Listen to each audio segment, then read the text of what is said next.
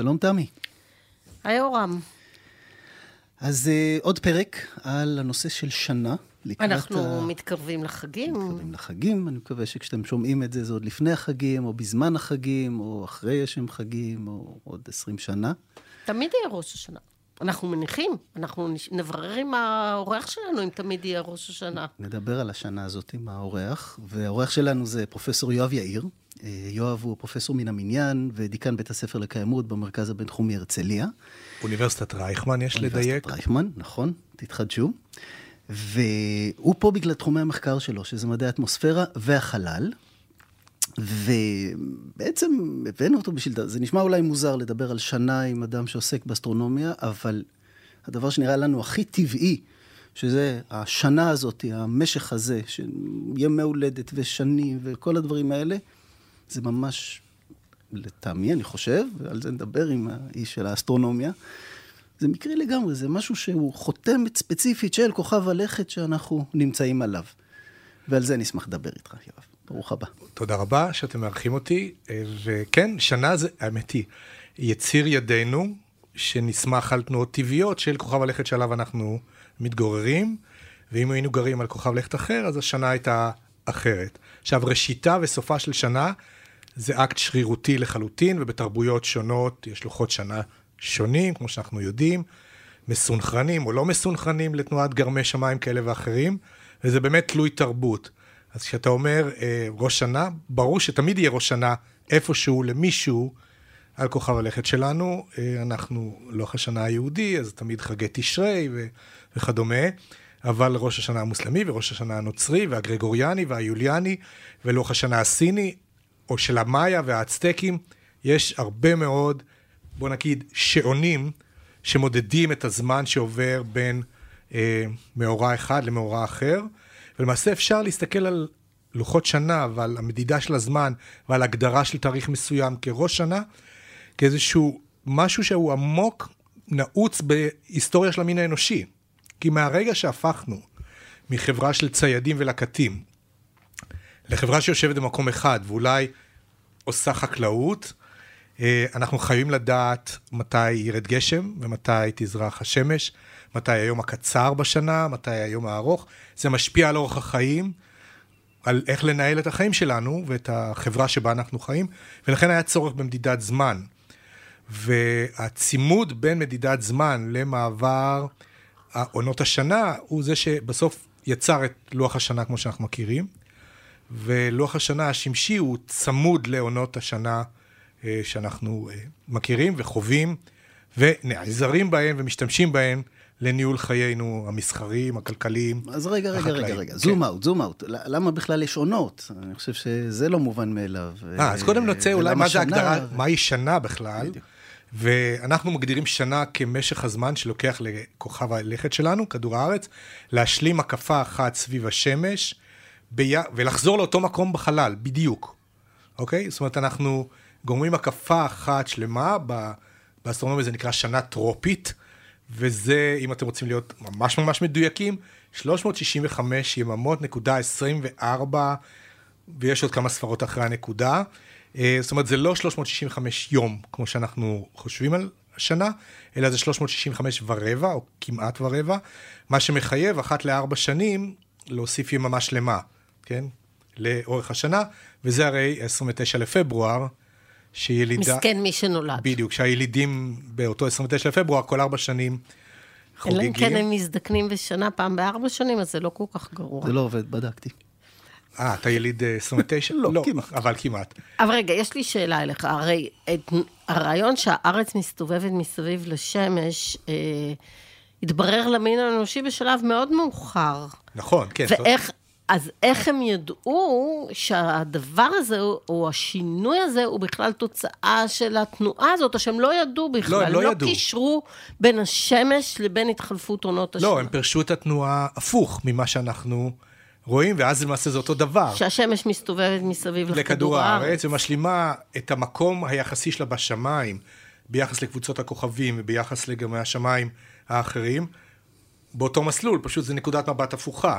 ונכון שהמהפכה הקופרניקאית, המאה ה-17, בישרה את ההחלפה של אה, נקודת המבט, מי מקיף את מי, אבל לצורך העניין של קיול לוחות השנה, זה אותו דבר, זה לא משנה מאיפה אתה מסתכל על זה, השמש נמצאת ביחס לכדור הארץ, כמו כדור הארץ ביחס לשמש, אחת ל-365 ורבע יממות, הדברים חוזרים על עצמם. עכשיו, היו תרבויות שהשתמשו דווקא במחזור מופעי הירח, לקיול עונות השנה ומחזור שנתי, והם מדדו את הפרש הזמנים בין שני מופעים עוקבים של הירח, בין מולד למולד, או מילוא למילוא. שזה אגב הרבה יותר אה, בולט לעין. אה, בשביל מי שנמצא על פני כדור הארץ, אתה רואה את הירח בתחילה ואתה עוד זוכר את זה כשהוא מגיע למילואו וכשהוא נעלם, אבל התנועה מסביב לשמש זה דבר הרבה יותר אמורפי, אה, אם אתה לא זורע ומחכה לגשם. כן, אבל אתה יודע בדיוק למפות איפה השמש זורחת על האופק ואיפה היא שוקעת, דרומה או צפונה מנקודת ציון מסוימת. יתרה מזאת, תרבויות עתיקות אה, בנו מבנה ענק כדי לכייל את השעון הזה על אה, עצמים מלאכותיים, למשל סטונהנג' או לוח השנה אה, ב, שמוצאים במישורי נזקה בפרו. פירמידות. אה, מצביעים, הפירמידות או הפתחים של הפירמידות. מצביעים על אה, ימים אסטרונומיים מסוימים, יום השוויון, יום ההיפוך, כלומר, אה, אותה נקודה שבה אה, על גבי האופק אנחנו רואים את השמש שוקעת, מבשרת לנו את סוף התקצרות הימים ואת תחילתם של התארכות הימים, שזה כמובן יש לזה משמעות אה, חקלאית, משום שזה מבשר את העונות, ותכף נחזור לסיבה לעונות. רגע, אני רק רוצה להשלים את לוח השנה הירחי, שזה 12 אה, ירחים של 29 וחצי יממות, אז זה 354 יום, שזה 11 יום פחות מהשנה הסולארית, מהשנה השמשית. אז הלוח הירחי הוא קצר ב-11 יום, ולכן אחת לארבע שנים אנחנו מפסידים חודש, ואז צריך לעבר... אדר ב'. כן, אדר א' מוסיפים. אה, מוסיפים את אדר א'? כן, אדר א'. איך יודעים מה מוסיפים? על מנת שבליל אה, הסדר, שזה ניסן, יהיה ירח מלא. זה הירח המלא הראשון אחרי אה, יום השוויון האביבי של 21 במרץ, אוקיי? ועכשיו נגיע לעונות השנה. אה, ימי השוויון וימי ההיפוך. אז למה, למה בכלל היום? למה בכלל, יש, למה בכלל יש עונות שנה? וזה נובע מנסיבות מיוחדות, אגב, של כוכב הלכת שלנו. לא בכל כוכבי הלכת במערכת השמש יש עונות שנה, אבל אצלנו יש, וזה משום ש... ציר הסיבוב העצמי, כן, אותו קו דמיוני שמחבר את הקוטב הצפוני והדרומי, אני מבקש מהמאזינים. כן, יואב, יואב מחזיק אה, קו כזה בין שתי הידיים, גלובוס, גלובוס דמיוני ומסובב אותו, הייתי צריך להביא... זה רק מגילאי 40 ומעלה יודעים מה זה גלובוס. יש לי במשרד, ואני תמיד לוקח אותו איתי לשיעורים כשאני מלמד, ובאמת רוב הצעירים לא יודעים, לא, לא ראו גלובוס, לפחות פיזי, אולי גלובוס וירטואלי הם ראו, בתוכנות ובכל מיני כאלה, אבל כן, גלובוס אמיתי. anyway, ציר הסיבוב העצמי של כדור הארץ, שעליו, אה, כשכדור הארץ חג סביב צירו כל יממה, 24 שעות, אבל גם כאן, זה לא בדיוק 24 שעות, זה 23 שעות, 56 דקות. הרגשתי שחסר שניות, לי אה, חסרות לך 4, זמן 4 לשינה. דקות. כן, יפה. אז אנחנו נטויים, הציר הזה נטוי, ביחס למישור שבו אנחנו מקיפים את השמש, בזווית של 23 וחצי מעלות. מה שגורם לכך שבנקודות שונות לאורך מסלולנו סביב השמש, חלקים שונים בכדור הארץ מוארים פחות או יותר בהתאמה, אוקיי? אז אה, זאת אומרת, מקבלים לאן... יותר שעות של שמש או פחות שעות של שמש. יפה, בדיוק, והעונות הן הפוכות בשני חצי הכדור, ולכן נוצרות אה, ארבע נקודות שכאלה לאורך מסלול ההקפה השנתי, שבהן חצי הצפוני מקבל יותר וחצי הדרומי פחות, ואחרי חצי שנה בדיוק להפך. וזה מה שגורם להיווצרותן של עונות שנה בכוכב הלכת שלנו. אבל איפה? לא, בק... לא בקו המשווה. בדיוק. כן. בקו המשווה למעשה אין עונות שנה. לא, יש עונות שנה, רק הביטוי המטאורולוגי שלהם הוא הרבה פחות משמעותי או קיצוני ממה שאנחנו ברכבים הממוזגים אצלנו, וזה כבר קשור לתנועות של מערכות אקלימיות ומערכות מזג אוויר. שאגב, אם אני עכשיו זה- אשים רגע את כובע הכובע. של בית ספר לקיימות ואדבר על שינוי אקלים, בצפ- אנחנו- באפגניסטן ופקיסטן עכשיו יש עם הנושא של המונסון שזז כן, מערב. המונסון נהיה משונה, ומצד שני גלי חום ויובש משונים מאוד. יש הפרעה מאוד מאוד משמעותית ובולטת לשיווי המשקל האקלימי, בו אה, כדור הארץ שלנו היה מצוי לפחות 20 אלף שנה, מאז תום עידן הקרח האחרון. אז אנחנו, ותכף נדבר על הקשר בין עידני הקרח לעונות שנה ולמסלול כדור הארץ סביב השמש, גם כאן יש משהו מעניין. בכל אופן, אנחנו רואים הפרעה במערכת האקלימית יחסית למה ש... מצב שיווי המשקל היציב יחסית שבו היינו מצויים, וזה משפיע אה, על תופעות מזג האוויר. לא כל כך על התמשכות העונות, אה, אבל על מזג האוויר שמאפיין כל עונה. זאת אומרת, תמיד יש את השיחה הזאת בין האסטרונומים למטאורולוגים, מתי מתחיל הסתיו או מתי מתחיל האביב, אז מבחינה אסטרונומית זאת נקודה מסוימת בשמיים, שאותה כדור הארץ עובר בתאריך ידוע. למשל, ראשית החורף האסטרונומי היא 21 לדצמבר. זאת הנקודה שבה אה, כדור הארץ ומסלולו סביב השמש חוצה את הזמן שבו היממה בחצי הכדור הצפוני, הקצרה, שעות האור הכי קצרות, לעומת אה, שעות האור בחצי הדרומי. זה היום הכי קצר בצפון, הכי ארוך בדרום. זה נקרא ראשית החורף האסטרונומי. אפילו אבל... בצבא עברו לבגדי חורף יותר מוקדם מה-21 בדצמבר. ודאי, כי המטאורולוגיה לא מחכה לאסטרונומיה, והחורף מתחיל הרבה יותר מוקדם, אם כי למה, מה שאנחנו רואים בשנים האחרונות זה שהעונות מתאחרות, לא בגלל השינויים זה האסטרונומיים. הפקקים, זה בגלל הפקקים לדעתי. ברור שזה בגלל הפקקים. במובן מסוים, אתה מסוים צודק. זה נכון. למה, יורם, אתה צודק? כי פקקי תנועה נגרמים מריבוי מכוניות על הכבישים. ריבוי המכוניות, שלא כולן הן טסלה, פולטות כמויות עתק של CO2 לאטמוספירה. הווה אומר, אנחנו בשנה, המין האנושי, ממכוניות, ממטוסים, מרכבות, מהפקת אנרגיה, חקלאות וכדומה, פולטים משהו בין 40 ל-50 מיליארד טון של CO2 בשנה, וזה משנה את האקלים. אז במובן מסוים, הפקקים גורמים לשינויי אקלים.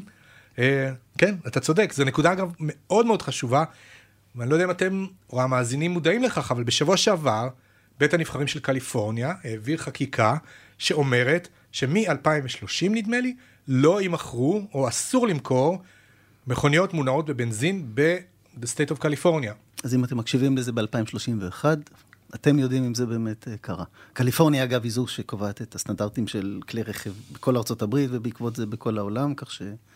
כן, אגב, תקווה. הם לא חלוצים בעניין, כי למשל, ראש עיריית פריז, אן הידלגו, קבעה שלפריז לא תיכנסנה אה, מכוניות, משאיות או כלי רכב מונעים בבנזין. היא עשתה את זה כבר לפני שש שנים, נדמה לי, או שבע שנים, בוועידת פריז 2015, היא קבעה שעד 2030, זאת אומרת, היא נתנה להם זמן להיערך. יש לכם זמן. זה דורש תשתית טעינה חשמלית וכדומה וכל זה. anyway, נחזור לחלל. נחזור לחלל ולתנועותיו של אה, כוכב הלכת שלנו. אז כמו שאמרתי, ציר הסיבוב העצמי של כדור הארץ נטוי בזווית של 23 וחצי, אבל הזווית הזאת איננה קבועה. כדור הארץ, במובן מסוים, אפשר להסתכל עליו כמו על סביבון, שעושה תנועה שאנחנו קוראים לה נקיפה, פרצסיה בלעז, והציר הזה עושה מין תנועה כזאת, שכתוצאה ממנה יש שינוי בזווית בין 21 וחצי ל-24 וחצי. יואב עושה תנועה שנראה כמו סביבון שהולך ליפול עוד מעט. כזה. נכון. כן. אז הסביבון שלנו לא הולך ליפול, אנחנו מקווים. חוק שימור אתנה הזוויתי עדיין, יש לקוות, עובד, אבל יש תנועת פרצסיה, ולכן עוצמת ההבדלים בין החורף לקיץ, ככל שהזווית גדולה יותר, ההבדלים חד- חדים יותר, כי כמות הקרינה מתפלגת אחרת. אז גם, גם בעוצמתן של עונות השנה אנחנו רואים שינוי, ולא רק את התנועה הזאת של הסביבון אנחנו אה, מבצעים, אלא גם אה, תנועה שבה מישור ההקפה עצמו, שבה אה, נעה הפלנטה שלנו סביב השמש, הוא בעצמו משנה את הבחיסות שלו, obliquity, וזה גורם למחזורים שאותם גילה מתמטיקאי יוגוסלבי בשם מילנקוביץ', של 41 אלף שנה ו-100 אלף שנה, שנוצרת תהודה בין שני המחזורים של התנועות. מאזינים לא רואים את ההתעמלות שאני עושה פה, אבל אה, זה מה שיוצר את עידני הקרח.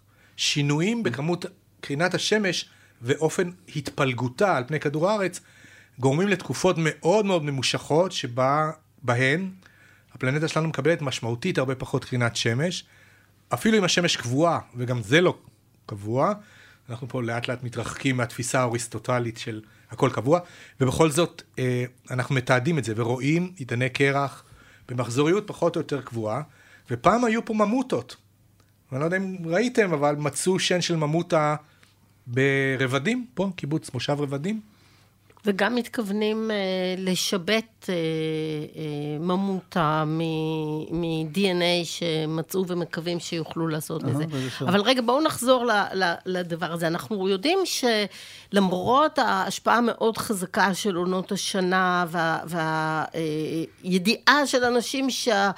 יקום איכשהו, יש בו תנועתיות כזו או אחרת, אנחנו יודעים ששליטים הרבה מאוד פעמים קבעו לוחות שנה כדי אה, אה, לשים את עצמם כמי שקובע את הדינמיות של החיים החברתיים והפוליטיים. אנחנו מכירים את הלוח היוליאני, שיוליוס קיסר קבע בשעתו, ואחר כך המעבר ללוח הגריגוריאני, שאגב באמת היה עניין של היום השוויוני והחג הנוצרי, הפסחא, כן. הפסחא שהיה צריך להיות. כן. וקראתי היום וסיפרתי גם ליורם, שבתהליך המעבר הזה היו חסרים להם כמה ימים, ואז אה, מי שהלך לישון בארבעה בנובמבר, אוקטובר, קם, אוקטובר, קם בחמישה עשר נכון.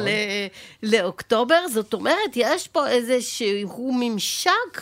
בין ההתנהלות הקוסמית נגיד, לבין ההתנהלות החברתית-סוציולוגית. זאת אומרת, יש ביניהם איזשהו, אה, הייתי אומרת, דיאלוג כזה או אחר, שיש לו גם היבטים פיזיים, אבל יש לו היבטים תודעתיים, נכון? לחלוטין. כי למשל, שנה בחיי אדם, וחוגגים לך יום הולדת, ובשלב מסוים אתה שמח, בשלב מסוים אתה מפסיק לשמוח, אבל זה קובע את הסטטוס שלך, נכון? אתה מקבל בשלב מסוים אה, פנסיה, כרטיס... פנסיה, כל אחד אה, בטח, אתה פתאום אזרח ותיק. אזרח ותיק וכולי, אבל זה משפיע על המעמד... מגיע לגיל 18, חבר'ה, יש עוד אנשים, כן? כן. יש כאלה שבשבילם להגיע לגיל 18 זה אושר גדול. מגייסים אותם לצבא, אני לא יודעת אם זה... לא... במדינות מסוימות במזרח התיכון. במדינות מסוימות במזרח התיכון. מה שאני מנסה לומר, שיש פה איזשהו דיאלוג שמשפיע גם על הסביבה הפיזית, אבל גם על הסביבה התודעתית, גם האינדיבידואלית וגם, ה...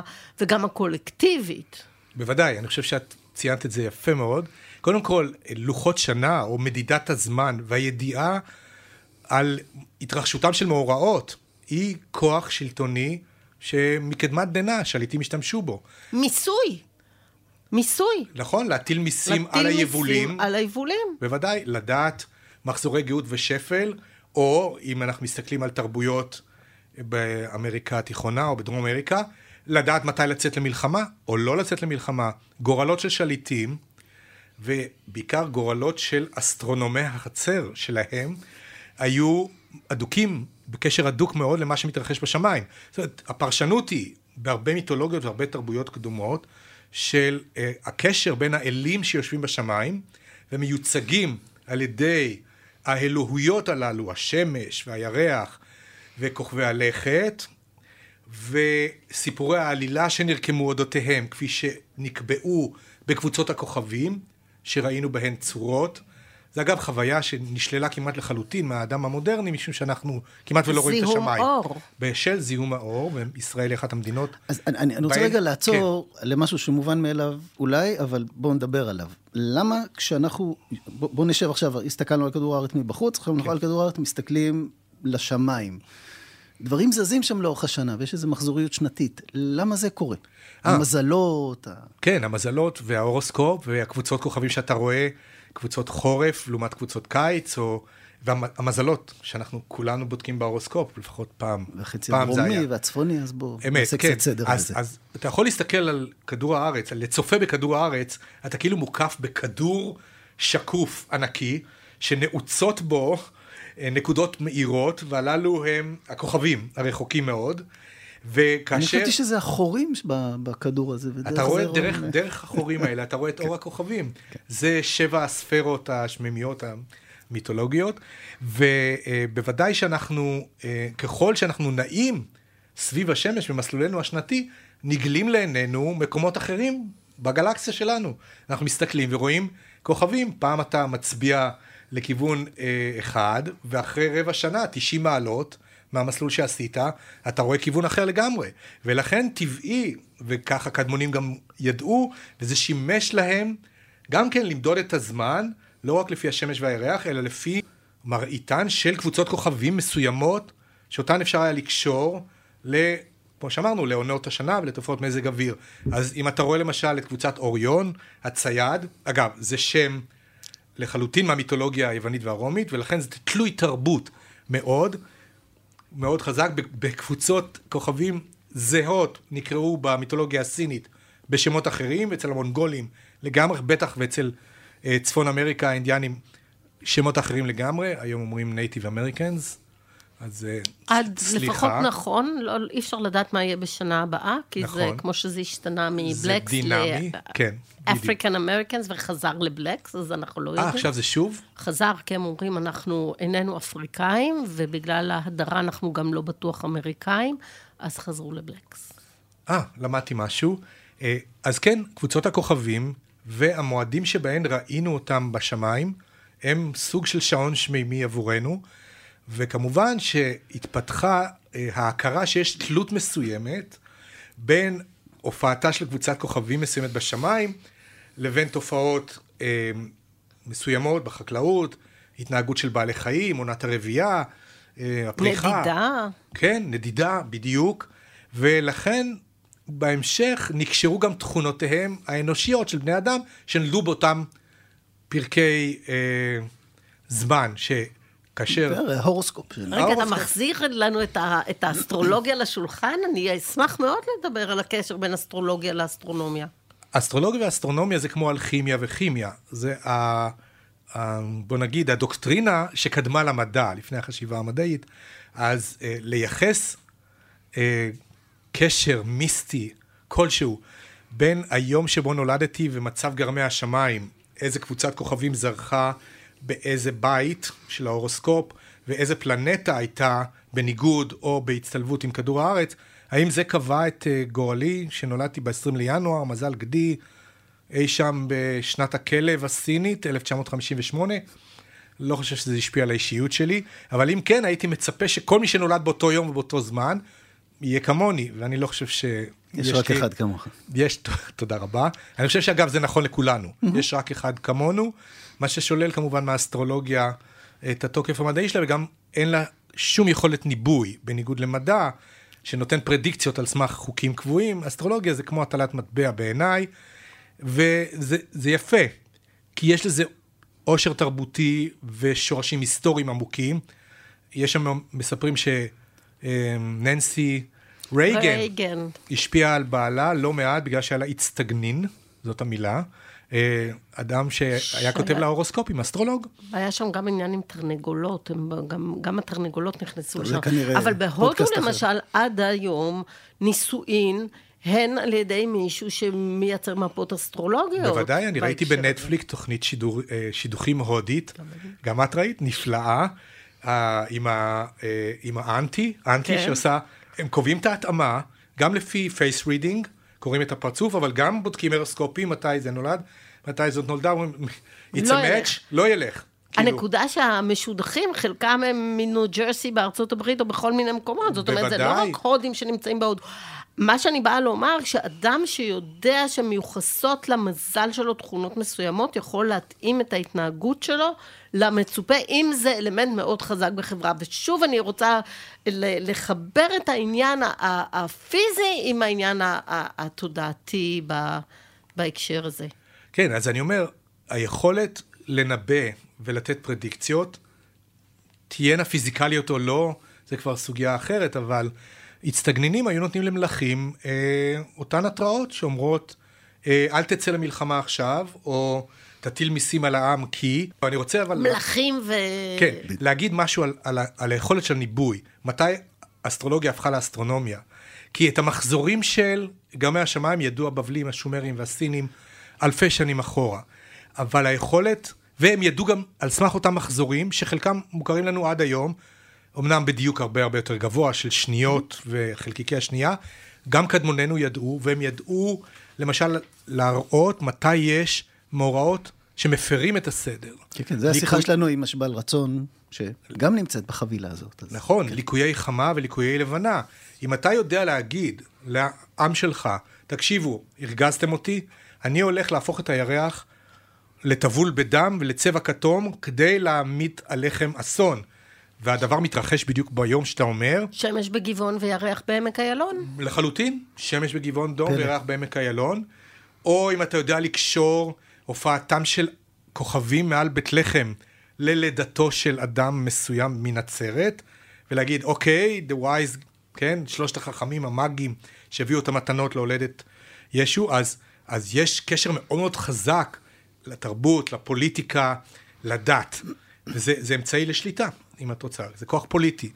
עכשיו, אנחנו היום יודעים, בגלל ידיעותינו האסטרונומיות והמכשירים המדויקים שבהם אנחנו משתמשים, לקחת את לוחות השנה הנוכחים, לקייל אותם אחורה, ולהגיד מי היו הכוכבים מעל ישראל, כוכבי הלכת שזהרו בשמיים של בית לחם בשנה המשוערת, ולפי זה להגיד, אוקיי, אז הוא לא נולד בשנת אפס, אלא לקייל את זה ממש, כדי שאנשים בבית לחם יראו בשמיים כוכבים זוהרים, אלה היו כנראה צדק ונוגה, בהתקבצות, תופעה שבה הם מתלכדים ביחס לקו הראייה שלנו, כך שנראים ממש כמו כוכב אחד, כוכב לכת, חזק ונוצץ.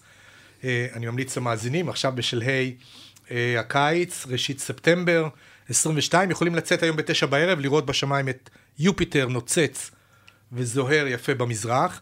אז אנחנו שמים לב לדברים האלה. תארו לעצמכם שחיינו במאה הראשונה לפני הספירה, אין אורות ניאון פלורסנטיים, אין זיהום אור, כל דבר בשמיים בוהק ונפלא, ולכן היכולת להגיד, אוקיי, זה מסמל משהו להתרחשות דברים כאן על פני כדור הארץ, זה עוצמתי מאוד, ו- ולכן מסופר כמיתולוגיה. אני חובב ליקויי חמה ולבנה, זה בעיניי איזשהו ביטוי לעוצמה אה, של האינטלקט האנושי, כבר מימי קדמוננו, ובוודאי עד היום, ואתה יכול למשל לתכנן, ואני כבר תכננתי ועשיתי את זה פעמיים, ואני מתכנן לעשות זאת פעם נוספת, לנסוע למקום מסוים שבו יתרחש אה, ליקוי חמה מלא, שנוכל לראות את כל הירח, מסתיר לנו את כל השמש, יש איזו מקריות קוסמית שהגודל הזוויתי שלהם הוא זהה, בגלל שהירח קטן פי 400 מהשמש, אבל השמש רחוקה פי 400 מהירח ביחס אלינו, אז הם נראים לנו אותו דבר, והמחול הזה, המחול הנפלא הזה של הירח סביב כדור הארץ, כדור הארץ סביב השמש, גורם לכך שאחת ל... הם מסתירים זה את זה, הם על אותו קו ראייה. והיכולת לדעת מתי זה יקרה, שימשה ככוח פוליטי. אגב, מספרים על קולומבוס בנחיתתו שם בהיספניולה, 1493, שהיה לו קונפליקט עם הילידים המקומיים, שלא רצו להביא אספקה. עכשיו, בהיותו נווט וימאי ואסטרונום, הוא ידע את לוח הליקויים של הירח. הוא אמר להם ככה, מחר אני, אני טובל לכם את הירח בדם, ושואה תיפול עליכם. והם אמרו לו, כן, כן, שמענו עליך, היה לבן. וכמובן שהוא ידע, והוא צדק, והם נבהלו מאוד מאוד, קנו כל מה שנתנו לו, לו ולספרדים, כל מה שהם היו צריכים. שוב, ניצול. והשואה בכל זאת באה עליהם, כך שזה... בלי קשר, נכון. ידע אסטרונומי לטובת uh, שליטה. אז, אז כן, אנחנו עד היום, למעשה במובן מסוים, נעזרים באותו מחול סינכרוני של הפלנטות, אה, שהוא שעון שמימי ענק, ואני יודע כבר איפה אני אהיה ב-8 לאפריל 2024. היכן? אני אהיה בעיר דאלאס בטקסס כדי לראות בליקוי חמה נפלא שהולך לעבור את כל ארצות הברית, מדרום מערב עד צפון מזרח. יש הגורסים שמונטריאול תהיה טובה יותר לתצפית, אבל אני אומר, אפריל, מונטריאול, עננים. כן, יותר טוב דאלאס או סן אנטוניו, אז אה, כן. האם זה אומר שטראמפ יזכה בבחירות של 24? אני לא יודעת. זה יהיה ליקוי אה, מאורות? זה יהיה ליקוד מאורות, תרתי משמע. בדיוק. אז כן, לקינוח אני אשאל אותך בפריט הטריוויה, אם אני ידוע לך מה הקשר בין ביסקוויט הפטיבר לשנה, לעונות השנה? ברור, ברור. אה, גם אתה יודע. מספר הנקבים, אני הייתי במפעל בנאנט, וכאילו...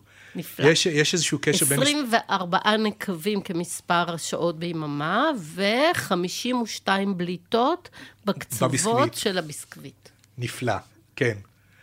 תודה רבה, פרופסור יואב יאיר. היה נפלא ל- לזוז איתך ברחבי הגלקסיה, מערכת השמש. תודה שהצטרפתם למסע.